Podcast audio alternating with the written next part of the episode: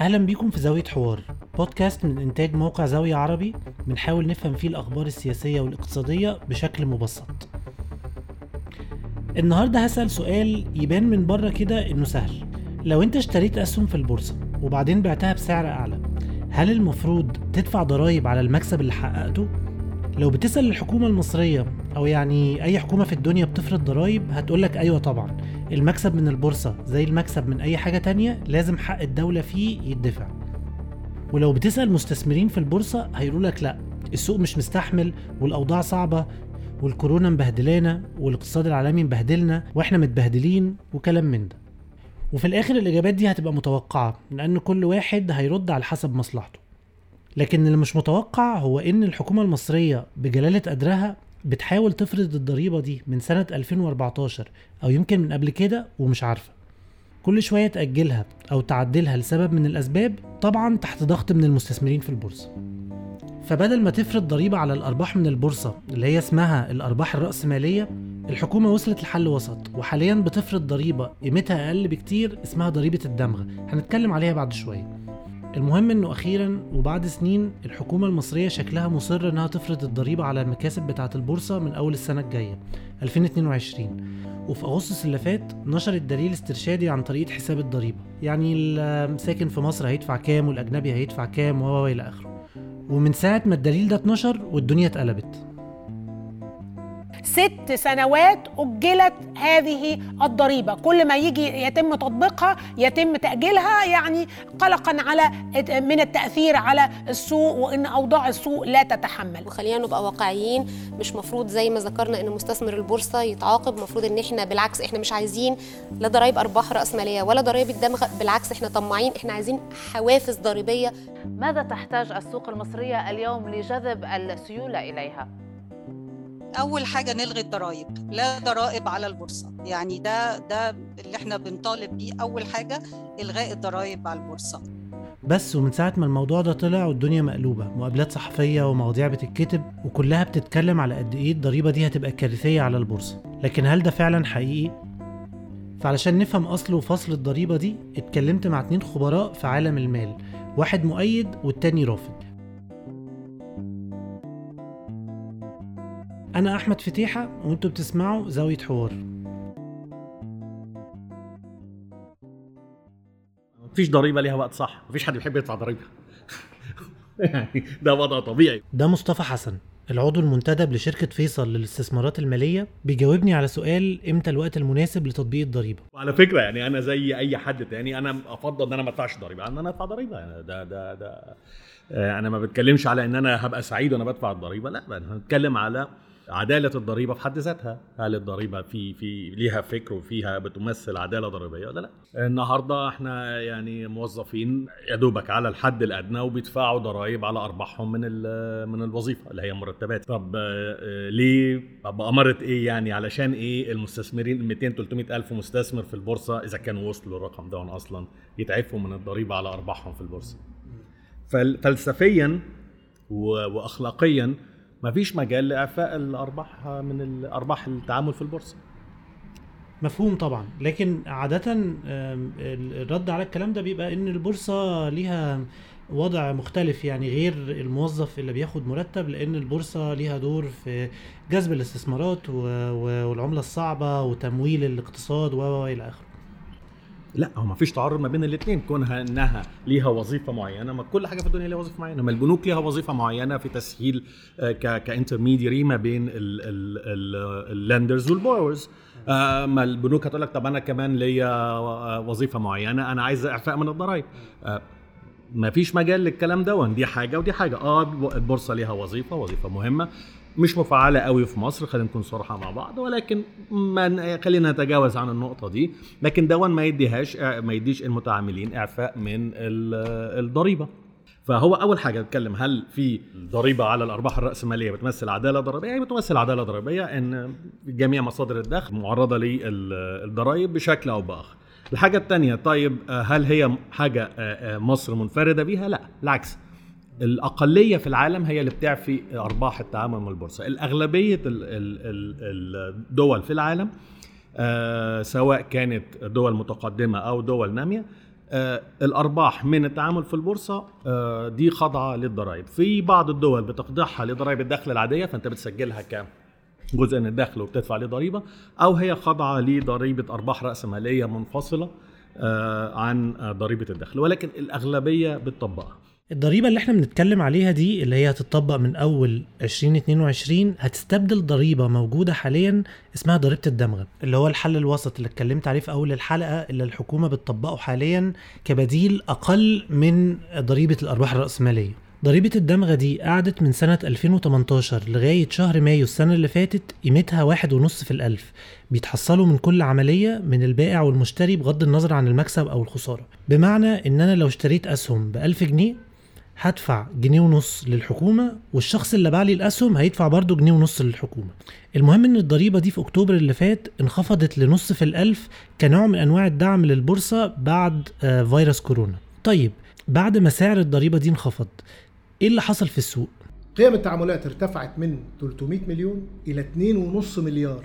وده إيهاب سعيد العضو المنتدب لشركة أصول للوساطة في الأوراق المالية. وعضو مجلس إدارة البورصة السابق بيتكلم على إن تخفيض سعر ضريبة الدمغة اللي حصل في أكتوبر اللي فات خلى البورصة أكثر جاذبية للمستثمرين ورفع معدلات التداول اليومية. تعاملات ذات الجلسة ارتفعت خمس أضعاف أو أربع أضعاف. فالفوليوم اتضرب شوف في كام. كل ما تطلع قصة الضريبة كل ما السوق يتهبد ويت... تبص تلاقي قيمة التعاملات 300 400 مليون. فده اللي طلع كلامنا بقى بنقول إيه؟ مفيش داعي من ضريبة الأرباح الرأسمالية خالص. مش تأجيلها إلغائها تماما ليه؟ اولا لو أنت طبقت ضريبة الأرباح الرأسمالية على المقيم العائد أو الحصيلة الضريبية بتاعه الدولة هيقل كتير قوي قوي لأنه مرتبط بالأرباح. الكلام اللي أستاذ إيهاب بيقوله ده ممكن يبان غريب شوية. وعلشان نفهمه تعال ناخد مثال بسيط. افترض مثلا إنك اشتريت أسهم بمليون جنيه وأنت كنت شاطر واستنيت كام سنة والأسهم دول بقى سعرهم 2 مليون جنيه وقررت تبيع. في حالة ضريبة الدمغة اللي هي مطبقة حاليا واللي أستاذ إيهاب عايزها تفضل مطبقة الدولة هتحصل منك نص في الألف ومن المشتري نص في الألف. فبالتالي الدولة هتحصل من العملية البيع دي 2000 جنيه 1000 من كل واحد. لكن في حالة الضريبة على الأرباح الرأسمالية الدولة هتحصل 10% من الربح بتاعك اللي هو مليون جنيه لأنك اشتريت الأسهم بمليون وبعتها ب 2 مليون. فالدولة هتحصل 10% في مليون يعني 100 ألف جنيه. فأكيد بالنسبة للحكومة ال 100 ألف جنيه أكيد أحسن من 2000 جنيه. لكن اللي الأستاذ إيهاب بيقوله هو إن الضريبة لما بتبقى قليلة وسهلة الحساب ده هيزود السيولة في السوق وبالتالي حصيلة النص في الألف هتبقى أكتر من 10% بالنسبة للحكومة. الدولة خدت عائد ضريبي ممتاز وحصيلة ضريبية ممتازة لأنها مرتبطة بقيم وأحجام التعاملات. كلما زادت القيمة كلما زاد النص في الألف والواحد في الألف والواحد وربع فبيطلع رقم محترم. ولو وصل قيم التعاملات ل 3 4 مليار مع طرح العاصمة الإدارية ولا e-finance ولا الشركات الكبيرة دي هتبص تلاقي آه، الحصيلة زادت أكتر وأكتر. فالكلام عن ضريبة أرباح رأسمالية تاني هيرجعنا للنقطة صفر. مجرد ما رجع الدليل الاسترشادي ده عايز أقول لك الدليل الاسترشادي ده اللي وزارة المالية أصدرته في آخر أغسطس واللي بيشرح طريقة حساب ضريبة الأرباح الرأسمالية واللي الناس شافته على إنه إصرار من الحكومة على تطبيق الضريبة في ميعادها الناس افتكرت بس انخفض قيم التعاملات 50% في سبع جلسات في ست جلسات. 50% وانهارت كل الأسهم. لمجرد بس إن إحنا فتحنا تاني قصة ضريبة الأرباح الرأسمالية دي.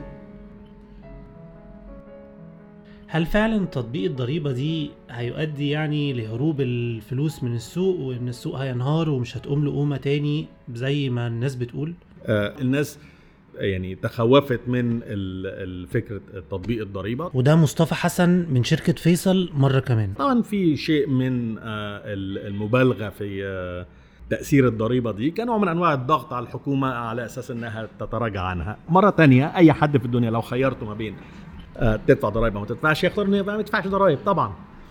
فهم في في محاولة للضغط شوية على الحكومة إنها تتراجع عن ال- الضريبه آه طبعا ده مفهوم. لكن برضه هو في فكر بيقول إنه إنك لما بتخفض سعر الضريبة تخليها أبسط في الحساب وده بيشجع ناس أكتر إنها تدفع آه وفي نفس الوقت يعني في حالة البورصة هيشجع ناس أكتر إنها تستثمر وإن ده اللي حصل لما ضريبة الدمغة اتخفضت من آه واحد ونص أو واحد وربع لنص في الألف آه في أكتوبر اللي فات